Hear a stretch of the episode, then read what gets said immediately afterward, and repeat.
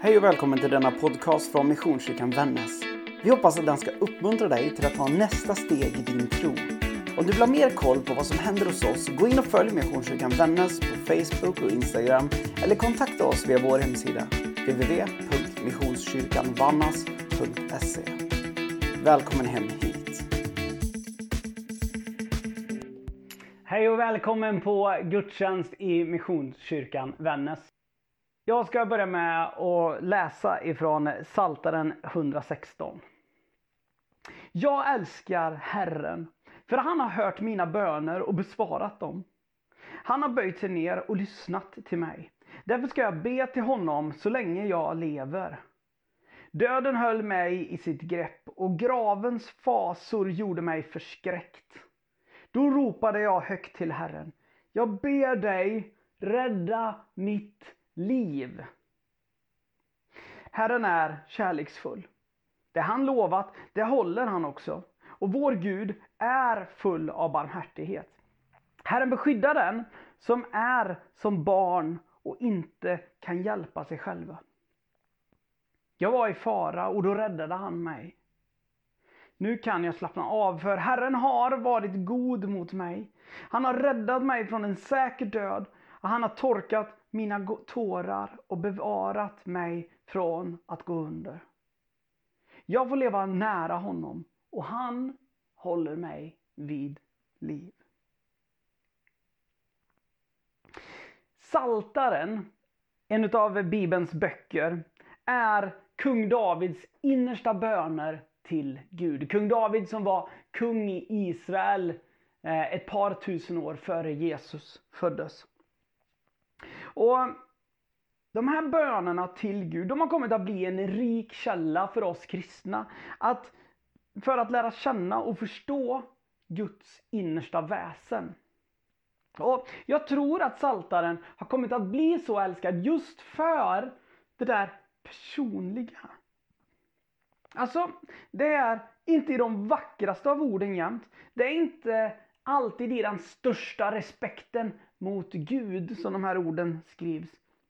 Utan snarare så är det ett fokus på en största av ärlighet. En ärlighet och en berättelse om en förkrosselse men också om den befrielsen som Herren har gett David.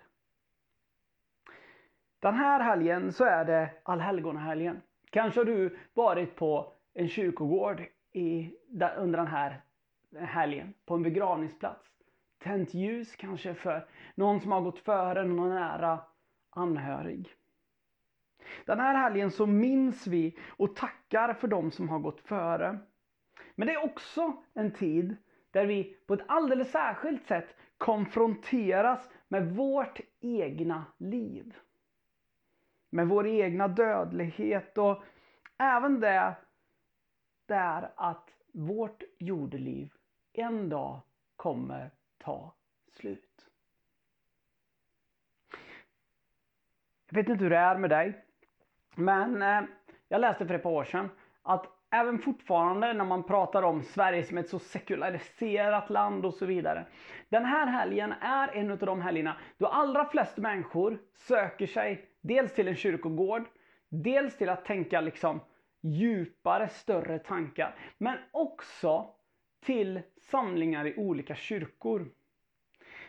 Jag pratade med en vän som är präst häromdagen och så frågade jag vilken skulle du säga är den största kyrkhelgen i liksom där du jobbar i din församling i Stockholm? Och han sa utan att tveka en sekund, sa han. Allhelgona såklart, sa han. Alltså allhelgona, alltså jag menar, det var som han sa, första advent, påskdagen, de har inte en match. De har inte en chans i det här. Kontra allhelgona. Och så sa han en sak som jag liksom tänkte lite på och har brottats lite med. Han sa så här. För människor kan välja liksom att tro och att inte tro på olika saker. Och det kan ju påverka om man tänker att första advent eller påskdagen är någonting att fira. Eller alldeles oavsett vilken helg på året det är. Men det finns en helg i kyrkåret som vi aldrig kommer ifrån. Och det är på något vis allhelgona. Det kommer drabba oss någon gång, förr eller senare. Och därför sa han, därför tror jag att liksom, där jag är präst, sa han, liksom, mitt bland liksom, kanske den platsen i Sverige där minst människor säger att de är troende. Därför tror jag, sa han, så många söker sig till oss under den här helgen och de här veckorna runt omkring. Davids ord där från Saltaren som vi nyss läste, de tror jag slår an någonting i alla människor. Jag tror faktiskt inte att det finns så många människor som aldrig någonsin har känt ett uns av skräck eller oro, rädsla eller ångest inför döden. Jag minns själv, alltså man inser att man lever i en skyddad tillvaro i Sverige när det dröjde fram tills jag var drygt 30 år gammal innan jag för första gången i mitt liv såg en människa som inte levde i verkligheten. Det där hade byggt upp som en oro för mig. Jag var så rädd inför det. Jag skulle säga i mitt eget liv, så när det kommer liksom till, till döden så skulle jag inte säga att jag är rädd för döden.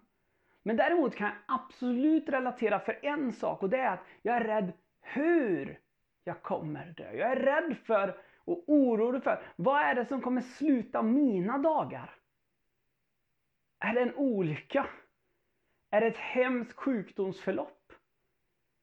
Eller är det det som vi kanske egentligen alla innerst inne känner att det är kanske är det man helst vill ha? Att man bara somnar och sen vaknar man inte igen i så fall.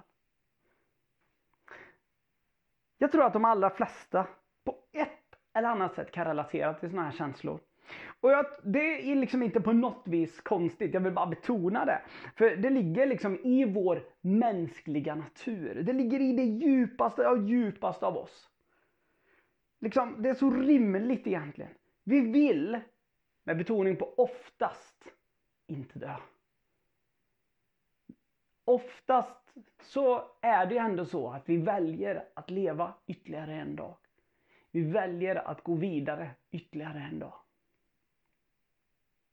Den kristna erfarenheten den vittnar om ett annat sätt än det här mänskliga att hantera döden. Den vittnar om hoppet. Om vägen fram till ett annat rike. Om vägen in i ett nytt förlovat land. I eh, den här söndagens eh, gammeltestamentliga text från Josua så nämns det att man ber, säger till folket att förbered er för om tre dagar ska vi gå över Jordan. Som en sorts bild över, och, vi kan, och över Jordan då menar man nu liksom i den här kulturen, i den här kontexten att då kliver Israels folk in i det förlovade landet, in i det heliga landet. Och vi kan absolut använda det som en bild. Att en dag ska du och jag, vi alla, kliva över Jordan och in i det eviga riket. Den gamla testamentliga texten talar om att förbereda sig, var beredd på att Alltså, du behöver inte tänka att det tar slut. Det behöver inte ta slut. Det finns en väg vidare. Den kristna erfarenheten talar vidare också om att vi är inte djupast de mänskliga kropparna som du och jag ser hos varandra. Vi är djupast något betydligt mycket mer än så. Och det talar om att vi ska dö, men vi ska ändå ha liv och liv i överflöd. Ibland använder vi uttrycket evighetshopp. Och vårt evighetshopp, det, det mänskliga liksom, evighetshoppet, är något annat än det vi har här liksom, på jorden runt omkring oss. Vårt evighetshopp är bortom det. Bakom mig så ser ni Europa. Det är bortom nationsgränser. Det är bortom en, liksom en, en längtan, en trygghet, en stabilitet inom landets gränser. Det är bortom ett välfärdssystem. Det är bortom det där att ah, 48 veckor sen är det semester igen. Det är bortom en tid då vi liksom kan få fira gudstjänst precis som vanligt igen. Vårt evighetshopp, det är bortom en världspandemi. Det är bortom vilket hälsotillstånd vi just nu befinner oss i. Och det är bortom allt det du och jag bygger upp omkring oss och försöker luta oss emot. David säger i Saltaren att när vi kommer som ett barn inför Gud och inser att vi kan inte göra någonting själva så lovar han att leda oss vidare. Vårt evighetshopp, det vi kan lita på, för det har Herren lovat. Det är ett liv i evighet i hans närhet.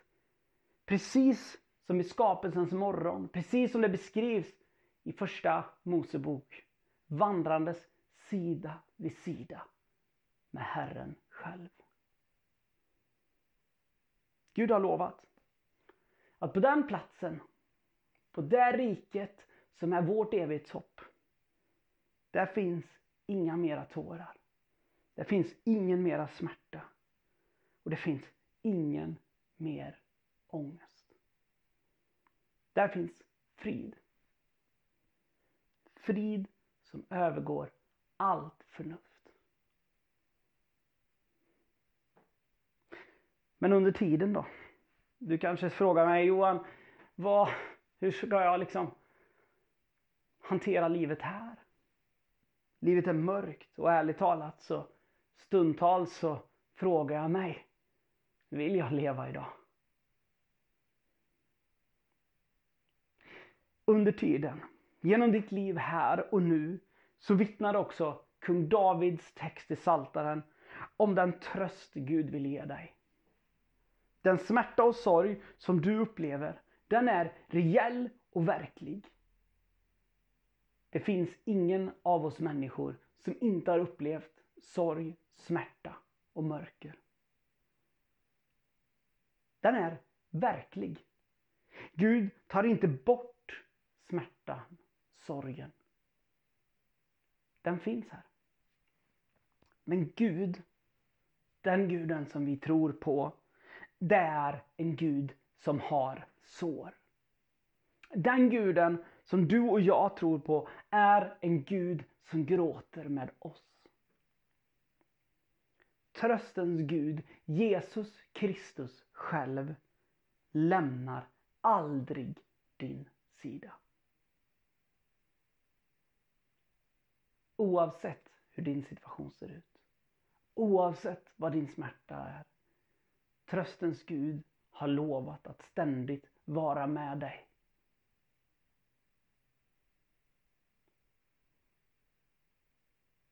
Låt oss be. Jesus Kristus, tack för att du är vårt evighetshopp. Herre, tack för att vi, vi får lita till dina löften och vad du har gjort och vad du har sagt. Herre, vi ber att Davids ord från Saltaren ska få bli verkliga även i våra liv. Den där känslan av, den där vissheten om och den där övertygelsen om du har räddat mig. Låt det få bli verklighet i våra liv.